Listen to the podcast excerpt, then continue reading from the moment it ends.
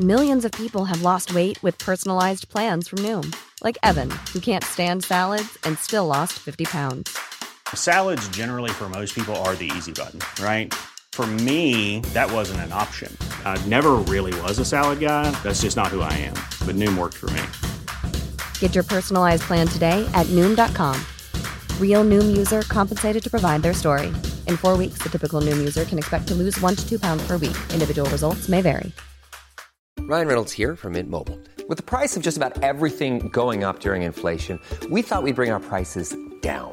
So to help us, we brought in a reverse auctioneer, which is apparently a thing. Mint Mobile unlimited premium wireless. Ready to get 30, 30, bit to get 30, bit to get 20, 20, 20, bit to get 20, 20, bit to get 15, 15, 15, 15 just 15 bucks a month. So, Give it a try at mintmobile.com slash switch. $45 upfront for three months plus taxes and fees. Promo for new customers for limited time. Unlimited more than 40 gigabytes per month. Slows. Full terms at mintmobile.com. Gjenklang.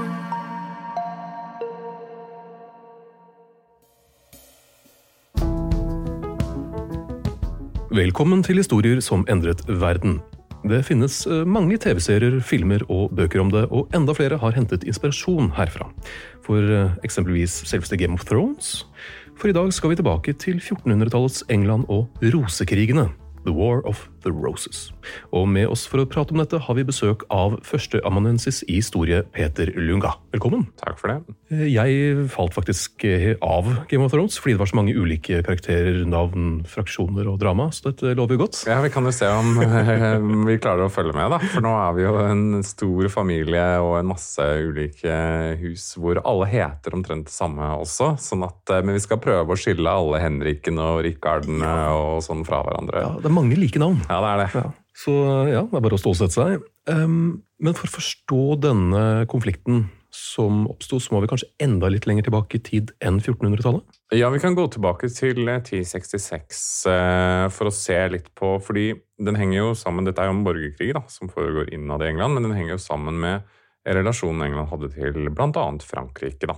Eh, og eh, Da går vi tilbake til 1066, eh, når Wilhelm Erobreren, som er hertugen av Normandie, da, erobrer England.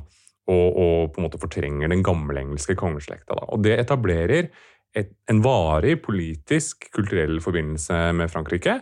Og det betyr i tillegg en nesten vedvarende tilstand av sånn skiftende krig og allianser og ekteskapsinngåelser og maktkamp mellom da konger av England og konger av Frankrike. Eh, og de normanniske kongene av England importerer også fransk kultur, fransk språk, og følger naturligvis sånn trender i fransk mote, litteratur og musikk osv. Så, videre. så England og Frankrike er på en måte en del av den samme verden da, helt fram til 1300-tallet. Og helt fram til 1300-tallet så er også da fransk overklassens språk i England. Eh, Den første kongen tror jeg, som, som faktisk har engelsk som morsmål, han ble konge i England i 1399. Oh ja. Så så lang så lenge, tid går det før, før man da får engelsk som, som morsmål. Og så er det da naturligvis veldig kompliserte sånn, politiske relasjoner da, mellom eh, konger av Frankrike og konger av England. Fordi engelske konger har franske eh, besittelser. De er vasaller i Frankrike, teknisk sett da, underlagt eh, kongen av Frankrike. Eh, og det er jo litt komplisert, fordi de har jo da lik rang som konge. Eh, men likevel formelt sett da, er kongene av England underlagt den andre kongen og holder store deler av sine landområ- landområder som den franske kongens mann og skal egentlig være lojal til han osv. Eh, og den franske kongen kan jo da i teorien kreve at engelske konger og engelske tronarvinger skulle komme til ham og gjennomføre sånn ydmykende ritualer der de skal må sverge troskap og bukke og neie og snu seg ring osv. Og, og i praksis så var jo dette ikke egentlig noe problem, da, siden franske konger veldig lenge var ganske, ganske svake og hadde ganske lite, eh, lite makt. Og de kunne egentlig sjelden kreve at, at de engelske kongene som, som, som eh, eksisterte da, skulle gjøre det og gjennomgå disse seremoniene. da. Men det fins jo noen unntak, da, bl.a. Philip Augustus. Eh, altså Philip 2. av Frankrike på, på begynnelsen av 1200-tallet. Eh, og så skjer det også skiftende allianser og unnskyld, skiftende, eh, eh, en slags skiftning av hvilket dynasti som sitter på tronen eh, i England. For vi har jo et normannisk dynasti da, som blir etablert av William the Conqueror. Men det blir angevinsk, kaller vi det gjerne, da, på midten av eh, 1100-tallet. Eh, når erobrerens barnebarn, Matilda, keiserinne Matilda kalles hun faktisk, for hun hadde vært gift med den tyske keiseren, og så bare oh, ja. beholdt hun denne keiserinnetittelen etter at han var død. Ja, så selv om hun ble politiker måte i England, eh, så kalte hun seg hele tiden keiserinne fordi det, det var på en måte over alle de andre. Eh, Men hun hadde, og hun hadde til og med krevd den engelske tronen i sin egen rett. ikke sant? Hennes far Henrik den første hadde jo pekt på henne til å regjere England. Og så var det hennes eh, eh, fetter Stephen som tok over isteden, og så ble det borgerkrig osv. Eh, men når hennes sønn, da, Henrik 2., omsider kommer på tronen, så får da denne kongeslekta et nytt navn. Historikerne kaller det altså for angevinsk. Fordi eh, Matildas andre mann, eh, Jeffrey av Anjou, eh, han var da fra dette området i Frankrike som heter Anjou, som er et grevskap som ligger omtrent midt i Vest-Frankrike. omtrent. Ja. Også i tillegg da til å ha Anjou og England, så regjerer da Henrik 2. og noen av hans etterkommere over enorme områder i Frankrike. De er hertuger av Normandie og Aquitania og Gascogne, de er grever av Anjou. Og de har en, andre, eh, eh, en rekke mindre andre sånn grevskap og, og, og titler. Altså eh, Menn, Poitou, La Marche og, og, og så videre. Og, og har faktisk mer land enn kongen av Frankrike. Og, og nå i tillegg da er konge av Kongen av England, ja. Så de har to tredjedeler av Frankrike cirka, og hele. England. Og så har kongen av Frankrike har en sånn bitte liten øy da rundt Paris som heter Ile de France. Da. De kaller det, ikke sant? De kaller det den franske øya fordi det er, det er bare en liten flekk på kartet. på en måte.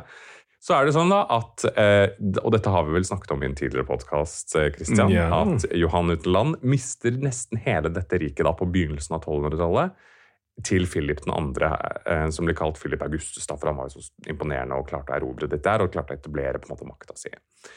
Og eh, etter det så kalles kongeslekta av historikere da, for Plantagenet. Eh, og det er jo fordi kongehuset ikke lenger regjerer over Anjou. Så de kan ikke kalles angevinske lenger, eh, for de har mista dette her. Så de har England, og så har de vel Gascogne, da, som er dette hertugdømmet helt sør, sør, sør, sør-vest i Frankrike, da, som har liksom Bordeaux og disse områdene her. da. Eh, Men dette navnet Plantagenet eh, det kommer av eh, våpenskjoldet til Jeffrey Avanjou. Og Han hadde det som kallenavn, og han skal ha hatt da en kvist med gule blomster fra det vi på norsk kaller eh, gyvel, som er, en, som er en busk. Dette hadde han som dekorasjon i hatten sin. Og på latin så heter da gyvel plantagenesta. Og dette ble da til plantagenet. Eh, men i virkeligheten Av ja, så det, det er en komplisert historie hvordan det ble Plantasjenene. Eh, men dette, dette navnet blir jo brukt mye mer på 1400-tallet. Okay. Eh, men det er jo fordi da at familien ønsker å framstille seg som nettopp etterkommere av kongehusets stamfar. For Ja. alle kongene i England da fra egentlig fra Henrik 2., men også gjennom hele 13 og, 12-, og 13- og 1400-tallet, er jo da etterkommere av denne Jeffrey Andrew som hadde denne, denne kvisten i hatten sin og skal ha hatt i våpenskjoldet sitt også. Og det gjelder da begge de to husene, York og Lancaster, da, som sto på hver sin side i eh, rosekrigene. Og det er jo da greiner av den engelske kong kongefamilien som ja, en til konsekvens da stammer fra denne Jeffrey Anjou på 1100-tallet, men som også stammer fra Edvard 3., og som eh, i noen generasjoner da, før rosekrigene bryter ut, hadde vært da henholdsvis hertuger av Lancaster og eh, York. Og Lancaster-huset hadde i tillegg sittet, siden da 1399, da, sittet på den engelske tronen. Så rosekrigene er i utgangspunktet en konflikt mellom de eh, sittende kongene av Lancaster-slekta Mm. og eh, utfordrerne av York-slekta. Fordi det er disse, disse husene Mhm, og Uh, York, uh, østkysten, Lancaster, uh, vestkysten litt bare nord for Liverpool og Manchester-området. Ja. Det var ingenting som var lenger sør? Det var ikke et sånt hus eh, litt som sør i England? Jo, det var det jo. også, fordi de, de sitter jo på, det, finnes jo flere hus okay. som sitter rundt omkring. og Dette handler jo om etterkommerne til Edvard 3. Da, men hvis vi ser på Lancaster først, da, så er jo de da etterkommere av den nest eldste sønnen til Edvard 3., som er en mann ved navn John of Gaunt. Ja. Eh, men hertugdømmet Lancaster er jo ikke For det er jo en by som heter Lancaster nå i England, men det er jo ikke det samme hertugdømmet som den byen Lancaster. Så vi snakker mer om en region, da, en slags provins med fortsatt faktisk enorme landeiendommer som er underlagt den britiske kronen eh, i dag. Og har jo, har jo vært det helt siden 1400-tallet. ja, Og de er til og med forvaltet, det er så mye, det er så mye gods der da, at det er forvaltet av en egen minister i den britiske regjeringen. Det er eh, eh, jordbruksland og slott og ulike gods. Hele landsbyer og, og gårder og skoler er da del av dette hertugdømmet Lancaster som finnes fortsatt. Og det er genererer fortsatt inntekter til eh, nå da kongen av England, eh, for over 300 millioner kroner i året. Og Men disse husene de hadde, altså det er jo en grunn til at det blir kalt rosekrigene, for det er jo noen blomster involvert her. Ja, eh, dette, dette navnet rosekrigene det dukker opp ganske mye seinere. Så Det kommer fra, fra 1829, eh, hvor det stammer fra en litt sånn feilaktig forestilling da, om at de to husene i Lancaster, eh, Lancaster, og York hadde henholdsvis da en rød rose og en hvit rose som sitt symbol. og Her kommer nok Shakespeare også litt inn, for han har jo skrevet masse dramaer om alle disse folka.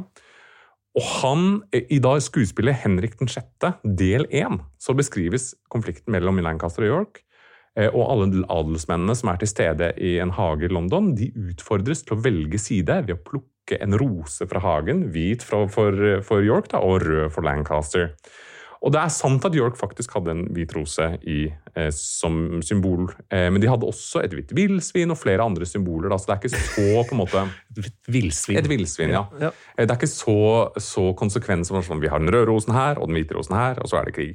Uh, og vi vet, vi tror faktisk ikke at Lancaster brukte en rød rose. Um, det kommer nok en del seinere med da Henrik den 7., som vi også skal snakke om mm -hmm. litt seinere. Og litt tidligere så hadde det oppstått en litt spesiell form for føydalisme i England? Ja, dette er det som historikere gjerne kaller for bastardføydalisme. Men, men, for å prøve å forstå hva dette dreier seg om, så tenkte jeg vi skulle snakke litt om hva føydalisme er, da, og se litt debatten rundt disse begrepene. Mm. Fordi føydalisme er et litt problematisk ord for eh, mange historikere.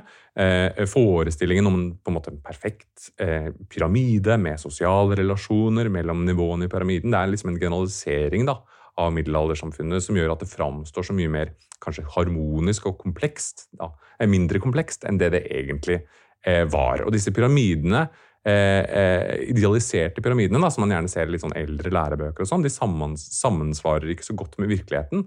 Og denne debatten blant historikere har blitt så skarp at enkelte kaller føydalisme for the F-word i, i middelalderhistorie. Okay. Men det er en historiker som heter Susan Reynolds, som har kommet med en ganske um, skarp kritikk av dette begrepet. og sier Det tilsvarer liksom ikke virkeligheten.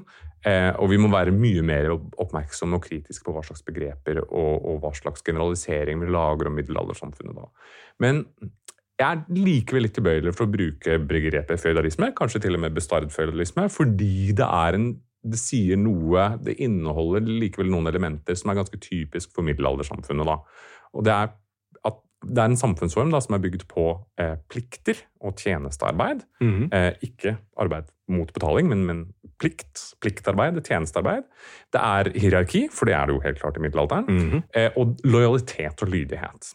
Men i England på 1400-tallet så snakker man da, øh, er det flere historikere som har lansert dette bastardføydalisme-begrepet. da. Og De som fant opp begrepet, Charles Plummer og William Stubbs, de levde på slutten av 1800-tallet. Øh, og trodde egentlig på mye av denne idealiserte, denne idealiserte føydale pyramiden for, for den tidligere middelalderens vedkommende. da. Eh, og de så på utviklingen i engelsk seinmiddelalder som en slags sånn forringing og degradering av en mer sånn ren og edel føydalisme, som egentlig aldri eksisterte. Eh, og bastardføydalisme ble derfor framstilt som en sånn mindre perfekt samfunnsform. Som et uektefødt barn på en måte da, av føydalismen. En bastard av føydalismen. Og det sier kanskje mer om 1800-tallets verdier at de bruker et sånn negativt begrep. da. Eh, men vi ser likevel da at det er enkelte trekk i engelsk seinmiddelalderen som legger forholdene godt til rette for, for borgerkrig, feider, private kriger, og som ble identifisert av denne, disse historikerne som bastardføydalisme. Fordi slik det var det, på en måte den gamle eh, idealiserte formen, da, som jo på en måte eksisterte til en viss grad også, er jo at det føydale tjenestearbeidet i hæren og på jorda eh, er fordi du skylder noen dette arbeidet. Mens gjennom Eh, særlig senmiddelalderen, så blir dette mer og mer erstattet med lønnet arbeid. Og det er jo ganske bastardisk ifølge disse historikerne. da, ikke sant? Det var ikke lojalitet og plikt som betydde noe lenger, det var penga som, som, rår. ikke sant? Men så sier moderne historikere at dette ser vi jo allerede i tidlig middelalder, og det, er, det var allerede litt sånn bastardisering eh, der, men det er kanskje mye mer av det da, på slutten av middelalderen, altså uh, seinmiddelalderen som vi snakker om, som det er hvor rosekrigene uh, finner sted. da. Det at det er penga som rår, det gjør at den, de rikeste aristokratene gjerne kan lage seg noen små hoff eh, rundt seg sjæl, eh, med tilhørende private hærer, såkalte affiniteter, affinities, som man sier. Mm. Der alle medlemmene bærer merker, de bærer livré, altså kapper, Våpen, ja. eh, med? Med, eh, med emblemer, og de har farger og flagg osv. Identitetsmarkører som viser, dere til, viser deres tilhørighet. Og her kjenner vi igjen? Game of Thrones. Mm. Alle disse familiene. Alle har sitt symbol. Alle har sitt liksom, slagord osv. Men, men i, i, i historien så gjør det da, ifølge historikerne, at disse, disse mennene og alle de som tjener under de ulike aristokratene som betaler dem, ikke sant? de føler seg først og fremst lojale til det huset de jobber for, og ikke til kongen eller kongedømmet. Man var altså eh, huset York sin mann, eller huset Beaufort sin mann, eller familien Percys mann osv. Og det var deres emblem. Eh, du bar deres emblem, du viste hvem du tilhørte. Og de betalte deg, og du hjalp liksom din familie da, med små eller store problemer i lokalsamfunnet. Du gikk i krig hvis det var nødvendig igjen. og det, ikke sant? Game of Thrones mm. eh, her også. Og utviklingen av denne samfunnsformen den henger sammen med Edvard 3., som vi skal snakke om.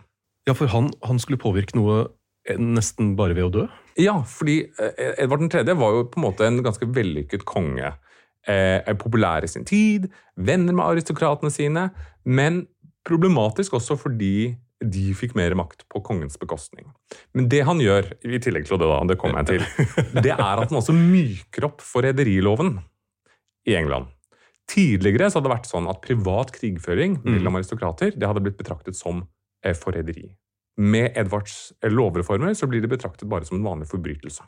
Så det er ikke så, det er ikke så farlig egentlig å, å drive med sånn feider og angripe hverandre osv. Og um, Aristokratene fikk mer makt ved at fikk rett til å sitte i overhuset, altså The House of Lords, som vi kaller det nå. Mm. eh, eh, tidligere eksisterte parlamentet for monarkenes skyld. Det var monarkene som sammenkalte, kongene som sammenkalte parlamentet og sa nå, du, nå trenger jeg penger, jeg trenger råd osv.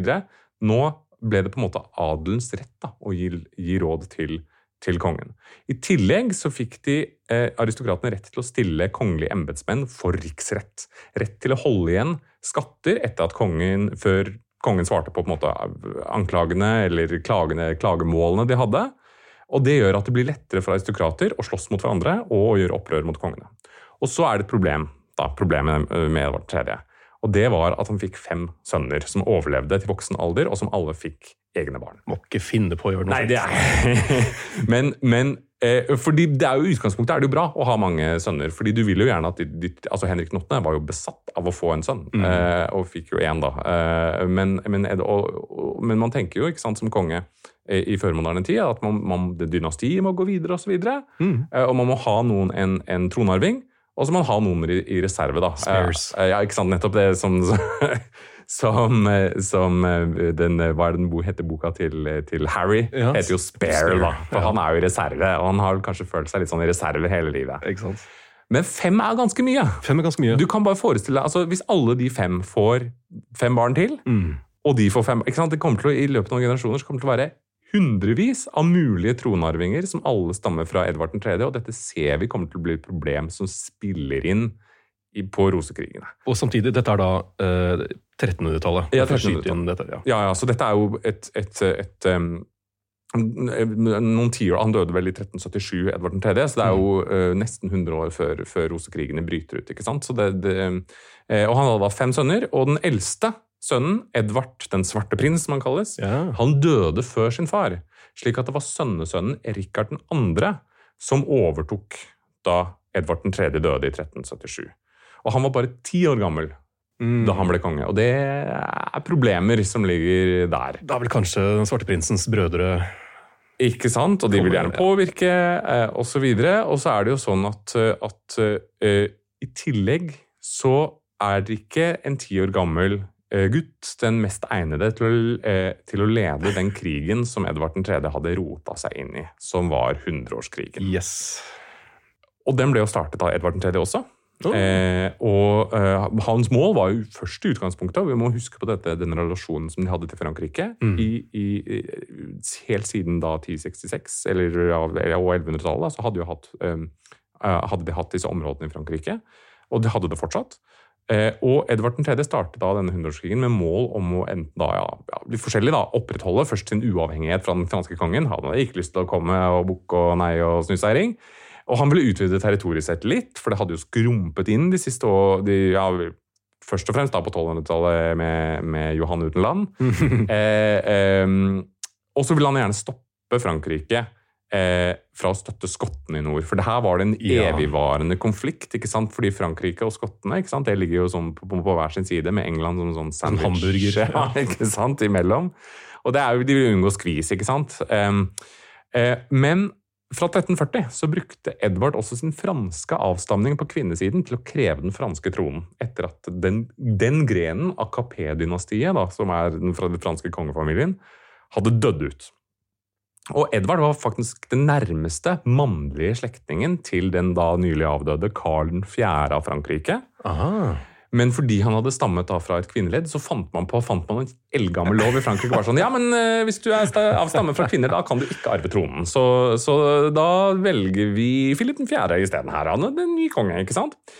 Og dermed invaderte eh, Edvard, selvfølgelig. Og noen, etter noen tiår så klarte han å bite seg fast i store deler av Frankrike. Og denne krigen den varte jo da av og på i litt over 100 år. Eh, det var jo lenge, lang tid med fred osv. Eh, Men det får også store konsekvenser for den interne politiske situasjonen i England. fordi man hele tiden har, fordi, altså Når man har krevd den franske tronen, så bør man jo gjøre noe med det også. ikke sant? Ja, ja. Og det er jo en, en forestilling som dominerer blant aristokratiet om at krig det er noe bra, det er noe kult. Vi kan vise oss fram. vi er liksom, Det er der vi er. Det er, det er en slags definisjons... altså, eh, Aristokrater er jo definert i på en måte middelaldersk sosial teori som bellatores, altså krigere. Det er definert ved sin evne og vilje til å gå til krig. Og hvis du ikke gjorde det, så var det litt sånn umandig, på en måte. da. Middelaldersk guttastemning. Ikke sant? Det, det, kan du, det kan du absolutt si. Men Rikard 2., Ja, beklager. han var jo ikke, ikke helt der. Ti år gammel. Litt år gammel. for ung for guttastemning. Ikke sant? Eh, og han, også da han ble voksen, så ble han ikke betraktet som like krigersk som eh, sine eh, forfedre eller slektninger. Eh, og man kan på en måte si også at, at synet på han har blitt preget litt av manglende suksess eh, også. Men også manglende initiativ. Altså, han brukte mye tid heller på å liksom krangle med eh, parlamentet og aristokratene sine enn å hjelpe dem i krigen mot Frankrike.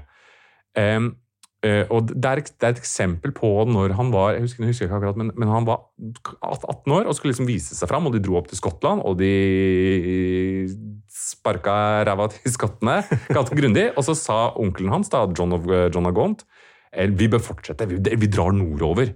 Sånn, og, og, og så var svaret hans bare sånn «Mm, Nei, jeg tror, ikke, jeg tror kanskje vi gjør det. Jeg tror vi dropper det. Dårlig vær Så han hadde momentum og, og skuffa folk, da. For han, det, her, det var liksom sjansen hans til å vise seg fram. Eh, han var liksom i ferd med å bli myndig, eh, og så fikk han det ikke helt til, da. Mm. Men, men vi kan se eh, litt sånn mer konkret også på hva Rikard 2. For dette er liksom ryktet hans, var han var umandig, ikke krigersk osv. Men vi kan se litt mer på hva han gjorde sånn spesifikt i Frankrike.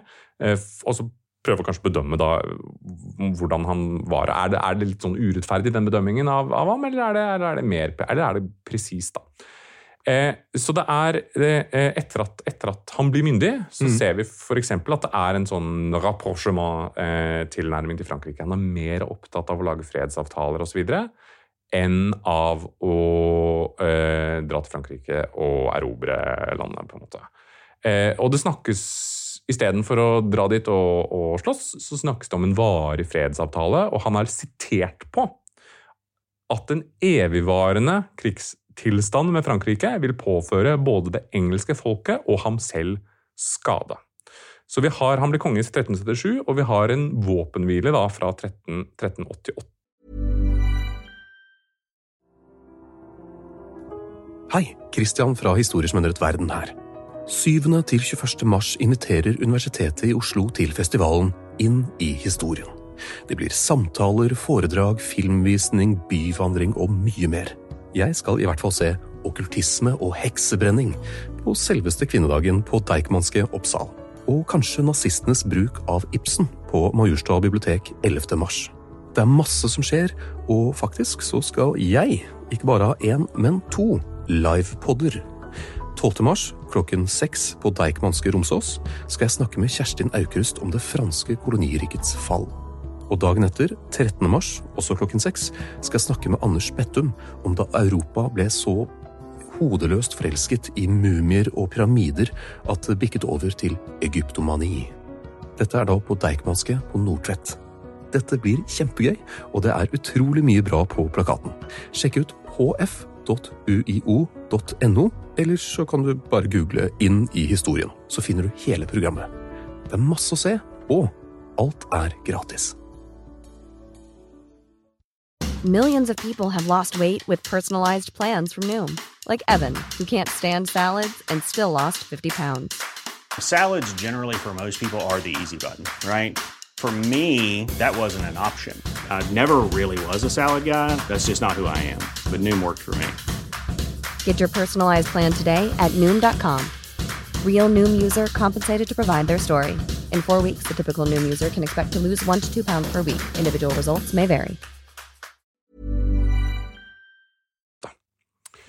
Eh, og dette har noen positive konsekvenser, men han, vi, vi ser da at han har et annet forhold til krig enn kanskje de aller fleste aristokratene hans, og forfedrene hans også. Eh, og Vi ser da at forholdet til parlamentet eh, blir bedre når det blir fredsavtale. Fordi han trenger ikke kreve så mye skatt fra parlamentet. Så det, han får et bedre forhold til aristokratene eh, sine. Og så ser vi også at hoffet, de folka han velger å omgi seg med, da, er i langt mindre grad preget av den gamle militære aristokratiets eh, verdier. Og Historikerne har faktisk argumentert for at i løpet av høymiddelalderen eh, så skjer et skifte i opplevelsen av hva krig egentlig er og betyr. Det går fra å være noe edelt og ærefullt, mm. hvor du kan vise deg fram hvor mandig og kul du er, eh, til å bli noe liksom katastrofalt og grusomt, og krig er fælt. på en måte. Da. Og Det er jo en holdning Oi. vi fortsatt har i dag. ikke sant? Det er ingen som tenker at Ikke så fryktelig mange da, som tenker at sånn, krigen i Ukraina er sånn Yes! Kjempebra! Nå kan vi vise hvor kule vi er. på en måte. Ja. Um, man tenker For en katastrofe det er, og tenk på barna og tenk på alle de som dør. og ikke sant? Altså Det uh, er den moderne holdningen til krig, og den kommer fra middelalderen. Hmm. Uh, og så lager de etter hvert, da, etter den våpenhvilen i 1388, så er Richard med på å lage en fredsavtale, eller gå inn med en fredsavtale. Uh, det er i 1393. Og der utvider de kongens territorium i Sør-Frankrike. Så det er jo liksom en suksess. og det er... Ja, ja. Så britene får mer. Ja. ja. Mot at han sverger troskap til den franske kongen. Så der har du liksom uh, the, the, catch. Uh, og det gjør han kjempeupopulær. For da er, det, da er det denne Å, skal du liksom gå og bukke og nei og krype for den franske kongen? Um, og Richard gifter seg dessuten i 1396, og det er med en fransk prinsesse. og Det er en del av den fredsavtalen igjen, og det er også dypt, dypt upopulært. da. Og det er såpass upopulært, kanskje, at det i 1399 eh, skjer noe fra en fyr som heter Henry Bollingbroke? Yes, og det er kuppet mot uh, Richard 2., rett og slett. Og uh, Det ser vi er en del av denne liksom, forestillingen om at han er liksom, upopulær og han, han bukker for den franske kongen osv. Han er ikke så krigersk, uh, som henger litt igjen denne forestillingen da, hos ganske mange. Men i tillegg så får vi dette Eh, denne forestillingen som hersker blant ganske mange aristokrater i England, at han er en slags tyrann da, som går altfor hensynsløst uh, fram mot de som han betrakter som sine fiender. Så um, uh, I 1397 så anklager han to jarler og én hertug uh, for uh, forræderi. Én blir stilt for retten og henrettet, en annen blir liksom myrdet i, oh. for fangenskap, og den tredje blir sendt i eksil. Og Eiendommen deres blir bare konfiskert av kongen med en gang. da. Men det bidrar til at det begynner å herske en sånn, sånn paranoid stemning i England da, på helt på slutten av 1300-tallet, hvor forræderilovene brukes veldig flittig mot alle som til og med bare baksnakker kongen. liksom. Ja, ok, Da er det liksom rett i galgen uh, med det.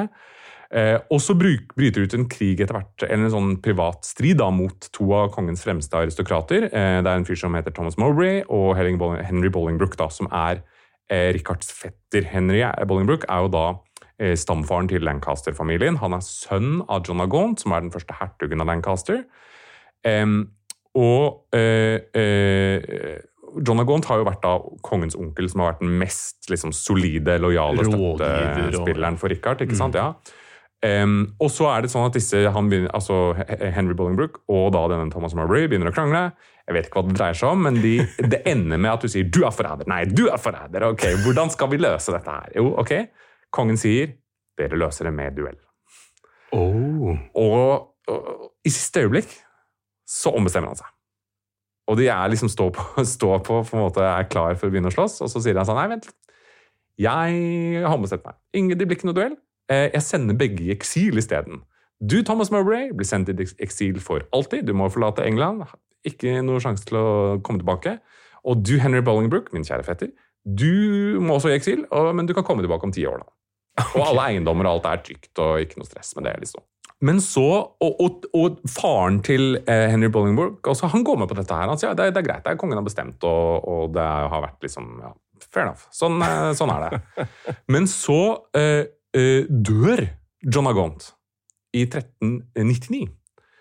Og der er kong, kong Rikard 2. nå liksom en lei knipe. da. Fordi Henrik eh, Bolingbrook, da, som nå har rett på å ta sin arv Mm. fra, fra, fra sin far, eh, som inkluderer dette veldig veldig rike hertugdømmet Lancaster osv. Eh, han kan, kan i utgangspunktet ta eh, eh, det i sin besittelse uten å komme tilbake til England, naturligvis, men, men, men kan på en måte styre fra Frankrike. da. Eh, og det gjør jo at han kommer til å utgjøre en trussel, fordi alle hans menn som sitter oppi der i Lancaster, de kommer til å være lojale mot ham, Ja. og ikke mot Richard. Eh, og så han, så han kan la det skje, da, at han la han ta den arven. Eller så kan han ta overta landene selv. Men da risikerer han å fremmedgjøre sine egne støttespillere og begynner å rynke på nesa. og blir Sånn, Uff, hva er jeg liksom nestemann som kommer til å få mine eiendommer konfiskert? Og kommer jeg til å bli henrettet uten å liksom ha gjort noe? Eh, og det er denne liksom paranoide stemningen som ikke sant, hvem som helst kan bli anklaget som forræder osv. Og det som skjer, er jo da at han går for det siste alternativet. Han tar Lancaster sjæl. Og det må vi bare si eh, med på etterpåklokskapens lys, at det var en feilvurdering. Fordi nå er det flere og flere, og dette henger sammen med liksom forræderiene og henrettelsene og, eksil, og sende alle i eksil. Flere og flere ser på Rikard 2. som en tyrann. Og med Lancaster innkassert, jo, men han føler seg jo trygg. ikke sant? Så han seiler i krigen eh, eh, til Irland for å slåss eh, med irene. Men det skulle han ikke ha gjort. Nei. Han feilvurderer stemningen i England totalt. ikke sant? For nå kommer Henry Bolingbrook eh, hjem, og han seiler over den engelske kanal med en invasjonshær. Og eh, Richard har jo tatt med seg alle sine lojale støttespillere til Irland. Eh, Deriblant eh, en viss eh, hertug Edmund av York, som vi kommer tilbake til senere. eh, og også troppene som er lojale til ham, er ikke i landet. Og dermed havner kongen veldig bakpå når eh, Henrik Bolingbrook begynner å på en måte eh, ta England til seg. Da. Han sier jo sånn ja, jeg skal bare ha Lancaster, jeg skal bare ha min arv, liksom. Men så begynner det å virke som om han kanskje har noen kongelige ambisjoner. Så, eh, men Richard da skynder seg tilbake til England når han får høre om det, men det tar jo en måned da, etter at, har, eh, eh, etter at Henrik har landa i England. Og så han er, kommer til et England som er Det er en situasjon som kanskje krever forhandlinger. Så han blir invitert til slott med forhandlinger med Henrik Bolingbrook. Og dette er bare en felle. Han blir tatt og arrestert med en gang. Og eh, gjennom et parlamentsvedtak, da, og nå ser vi jo litt av makten til parlamentet, eh, veldig presset av Henrik Bollingbrook, naturligvis, så blir da Richard avsatt, og Henrik blir da Henrik den fjerde. Eh, og fordi en avsatt konge kan bli, kan bli et samlingspunkt for liksom, nye opprør, så blir den avsatte Richard sånn bare myrdet uh, i kulissene, Um, og noen få måneder etter at han har blitt uh, avsatt som konge. Så dette er da første Lancaster på tronen. Oh yes, Og også første som har engelsk som morsmål. Oi, Denne ja. sønnen til John Agon. Tata. Eh, eh, og så er det da at problemet til Henrik 4. og hans etterkommere er jo at de mangler legitimitet. Parlamentet er helt klar over at det er de som har hjulpet han til makten. Og Henrik 4. brukte veldig mye av tida si på å på en måte finne konspirasjoner og av, av, avverge attentater mot sitt eget liv og slå ned opprør. Så vi har liksom opprør i Wales, Owen Glindower, opprør i nord, Percy, Percy og Mortimer-familien som gjør opprør mot ham. Det er til og med en falsk Rikard 2. som bare Han er i live! Se på denne her! Vi, han må bli konge! Blir, og han blir finansiert av skottene i årevis da, mot uh, Henry Bolingbrook. Så det er en total bedrager, ikke sant? Og han blir kritisert, selvfølgelig, da, for han har jo hendene fulle med disse opprørene. Ja. Og han blir kritisert av parlamentet samtidig for å ikke ta krigen med Frankrike på stort nok alvor.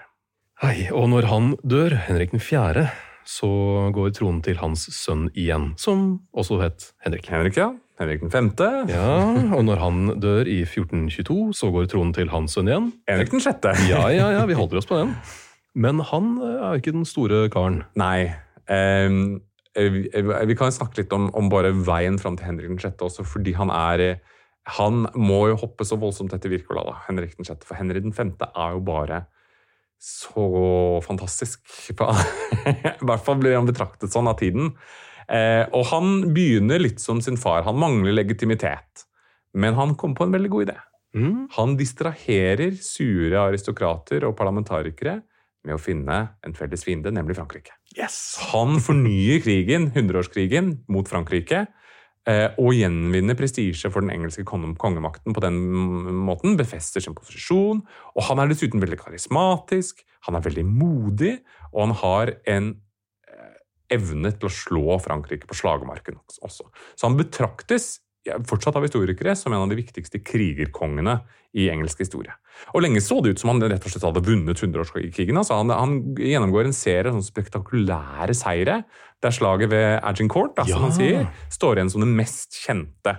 Der Frankrike rett og slett blir tvunget til å akseptere det som heter Troy-traktaten i 1420, som fastslo nummer én, Henrik 5. skulle gifte seg med den eh, gale franske kongens datter, Katarina Valois. Det var jo at de hadde, problemet var jo at de hadde denne Carl 6., som var fullstendig splitter pinegal. Han trodde at han var laget av glass. Eh, og han fikk liksom jern konstruert i klærne sine, så han ikke skulle falle og knuse. Og da kan man jo forestille seg er dette en mann som er egnet til å lede tropper på slagmarken? Nei, han tror at han kommer til å knuse hvis han ramler av hesten. eller for, ikke sant? Så, så, eh, han, men han får dattera da til denne gale kongen som sin kone. Eh, det er en, en kvinne ved navn Katarina Valois, som også kommer til å bli viktig senere i rosekrigene. Og da, etter Karl 6.s død, så blir det bestemt at det er Henrik 5. som skal arve den eh, eh, franske, hele Frankrike. Oh. Og det er jo egentlig ganske utrolig, fordi Carl har jo allerede en sønn. Eh, den, den franske dauphin, eh, kronprinsen, da, ikke sant? Eh, som blir jo da gjort arveløs gjennom denne traktaten. Men så dør Henrik 5. ganske ung av eh, sykdom, tror jeg, dysenteri, eh, to år seinere.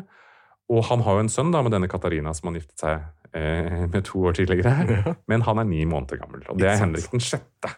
Og han kunne jo da ikke på noen måte hevde dette kravet sitt på den franske tronen. Eh, og i den engelske, eh, engelske siden ble jo dessuten veldig svekket av at nå sant, skjer det samme som under Rikard 2. Ja, ja. Masse folk som slåss om å kunne påvirke eh, eh, kongen. Men selv når Henrik den 6. da blir voksen, så Mm. virker han ikke noe særlig interessert i krig. Han var sjenert, passiv, ikke spesielt opptatt av krigen i Frankrike, og han var veldig dypt religiøs. Alle, hvert fall de to første hørtes jo ut som en tidligere karakter her. Ja, ikke sant? Og det betyr jo Og det er jo Hvis man er sånn, da, som en, fransk, nei, som en konge i middelalderen, så betyr det at man ikke er en spesielt god konge. Gode konger blir jo gjerne beskrevet som liksom grusomme, hensynsløse. Ja, da er det en god middelalders konge. Er du, er du sjenert og passiv og på en måte mild og vennlig mot alle, da er du dårlig konge, rett og slett. Men vi er glad i ham eh, likevel, hvis jeg har fått det, det akademiske England. Da, for han har, det han gjør, er jo grunnleggende masse skoler. Eh, F.eks. Eton Ah. og Kings College i Cambridge, eller Alls, og også All Souls eh, College i Oxford. Så han, er, han er, finansierer utdannelse og ting som da folk er litt opptatt av i dag. og, sånn da. Eh, men han arver sin morfars galskap. Eh, oh denne Karl 6. av Frankrike han var jo da til tider psykotisk, trodde at han var laget av glass osv. Eh, Henrik 6.s lidelse er litt annerledes. Eh, eh, kildene sier at hans galskap kan ha begynner med liksom først vilt raseri. Eh, og så går det over til en slags sånn katatoni. da. Det vil si en tilstand, det, det er moderne begreper, da, men det er en tilstand som, som gjør at man blir sånn totalt reaksjonsløs og fjer, helt fjern. Han kjenner ikke igjen noen, han skjønner ikke hva som foregår, og dette skjedde av og på gjennom livet hans. og da er det jo klart at du ikke kan regjere noe kongedømme. Men var han gift? Ja, og han får en fransk kone etter hvert også. Han er, jo, han er jo ikke gal hele tiden, naturligvis, men han er jo lett å påvirke og si ja til ting og sånne ting. Altså, han får eh, en, en fransk kone, men dette henger i utgangspunktet sammen med at det går nedover med hundreårskrigen i Frankrike. I Henrik 5.s tilfelle så var jo dette ekteskapet med Katarina av Valois et symbol på Frankrikes nederlag. Eh, men nå hadde Frankrike kommet seg opp igjen, eh, og England var ute etter fred. Det, han gifter seg da med en dame som heter Margaret av Anjou, eh, som var en del av den franske kongefamilien, men et godt stykke ute isteden. Hun var ikke rik, hun var ingen arving, du fulgte ikke med noe medgift engang. Og hun ble et symbol på at England søkte fred, og at Henrik 6. trengte en arving.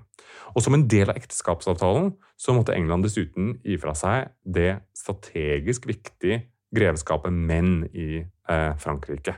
Og det var jo en ydmykelse naturligvis av dette ekteskapet, noe som gjorde henne veldig upopulær. Ja, ikke bare at hun er fransk. Nei. Hvordan var hun som type? Til å begynne med så, så, tok hun sin oppgave som dronning veldig på alvor. Og hun og Henrik var faktisk ganske nære. De tilbrakte mye tid sammen. og, og hun var en myndig kvinne. Hun fikk eh, store landeiendommer og på en måte en uavhengig inntekt. Da. Og deltok i på en måte kongens interesse med å grunnla, grunnlegge utdanningsinstitusjoner. Vi har f.eks. Queens College i Cambridge, som hun grunnla. Ah. Og så fikk hun ganske mange venner ved hoffet. Hertugen og hertuginnen av Suffolk for eksempel, det var et litt eldre ektepar som ble som en slags sånn foreldre for henne. da. Eh, og en annen nær alliert var en mann ved navn Edmund Beaufort, som er da eh, hertugen av Somerset og en av de aller, aller mektigste i riket da etter kongen og dronningen. Denne Beaufort-familien sto ganske høyt i kurs. Og de monopoliserte nærmest makten ved kongens hoff. Alle som ville ha liksom, høye stillinger, måtte gjøre seg til venner med Beaufort-familien. Og denne monopoliseringen av stillinger og kongens galskap, naturligvis, da, eh, som gjorde at han ikke kunne kontrollere dem noe særlig, gjorde jo, åpnet jo for korrupsjon i stor stil. Underslag av penger til fordel for Beaufort-familien osv. Eh, og det gikk til og med rykter om at Edmund Beaufort og eh, Margaret hadde en utenomekteskapelig affære. Mm. Til og med kanskje at hennes sønn var sønn av Edmund Burford. Det er det, er det veldig vanskelig å si noe om, naturligvis. Eh, men hun så nok på ham som en naturlig alliert. Og som vi skal se litt senere også, så fikk, ble hun en veldig sterk politisk faktor senere, når mannen hennes av disse, i flere av disse episodene da, hvor han går fra forstanden. Eh, og hun er sannsynligvis den viktigste politiske kraften på Lancaster-sida. Eh, Men hva med York-siden her? Har de, har de, det fint? Ja, de har det egentlig ganske greit, altså. Um, ja, altså York-familien har jo sitt greveskap, og en, et medlem av York-familien ble jo involvert i et opprør uh, mot uh, Henrik 5 i et South, Southampton-plotte. Så det er liksom, det ligger og ulmer litt her. altså De er ikke helt mm. lojale. Mens igjen en, en, en annen York, eh, et annet medlem av York-familien blir jo drept eh, for kongen, for Henrik 5. i slaget ved Agincourt. ikke sant? Så de er politiske eh, medspillere. Og denne, denne Richard av York, da, som er som er eh, overhodet for York-familien. Mm. Han blir bl.a. utpekt av Henrik 6. til å være eh, Frankrikes, eller på en måte Englands øverstkommanderende i, i krigen i Frankrike. Ah, ok. Så det, det, er komplisert. De er både politiske allierte og rivaler og ja det er, en, det, er, det er, en, stor familie med mange medlemmer, og noen av dem er lojale, andre er kanskje ikke fullt så lojale. ikke sant? Men, men foreløpig Ja, det ulmer litt, men det er ikke noen utbrudd av krig her eh, helt ennå. Så for å oppsummere nå, for nå kommer vi eh, neste episode, så skal vi snakke okay, om en viss eh, krig. Ja. For å oppsummere så er det en gal konge. Ja. En sterk og ja, en sterk og politisk interessert dronning. Mm -hmm. Beaufort-familien er jo på en måte eh, antagonisten på mange, antagonisten på veldig mange måter fordi de monopoliserer så mye av makta. Så de som ønsker å komme seg litt opp og fram, de blir på en måte dytta litt til side da, av Bøffortene, og de tar så mye plass. Og så er det samtidig en forestilling blant folk at her er det, her er det korrupsjon, de, de, beriker seg på folkets bekostning. Um, og det er dessuten, og det kan jeg godt si, for de her stammer Beaufort-familien stammer også fra John O'Gont. Men i hans andre ekteskap. Og det var et ekteskap som først begynte som en affære. Slik at Beaufort-familien er jo egentlig illegitime, ble født som en illegitim familie. Men så ble de i ettertid eh, eh, legitimisert. Altså det blir, for, hmm. John og Gaunt da giftet seg med denne kvinnen, slik at de ble da legitime. Men fortsatt så er det fortsatt Det er den der forestillingen om at de er ikke helt legitime, altså. Ikke sant? Og et land som da sliter med økonomien etter 100-årskrigen, og ja. de raker inn penger, så er det ikke så veldig, ja, ikke så veldig Og her er det folk som kanskje begynner å se seg om etter alternativer, da. Men det er bare ulme foreløpig. Krigen går fortsatt i Frankrike. Den er ikke helt tapt ennå, altså, på liksom begynnelsen av 1400-tallet. Da, dette var da opptakten til rosekrigene. Det var jo eh, mange like navn, men jeg, jeg føler jeg i hvert fall har greid å følge med her. Så bra. Så da er det egentlig bare å si tusen takk for eh, denne gang, Peter Lunga. Bare hyggelig. Så er det bare å følge med neste uke, da vi skal snakke mer om selve rosekrigene. På gjenhør.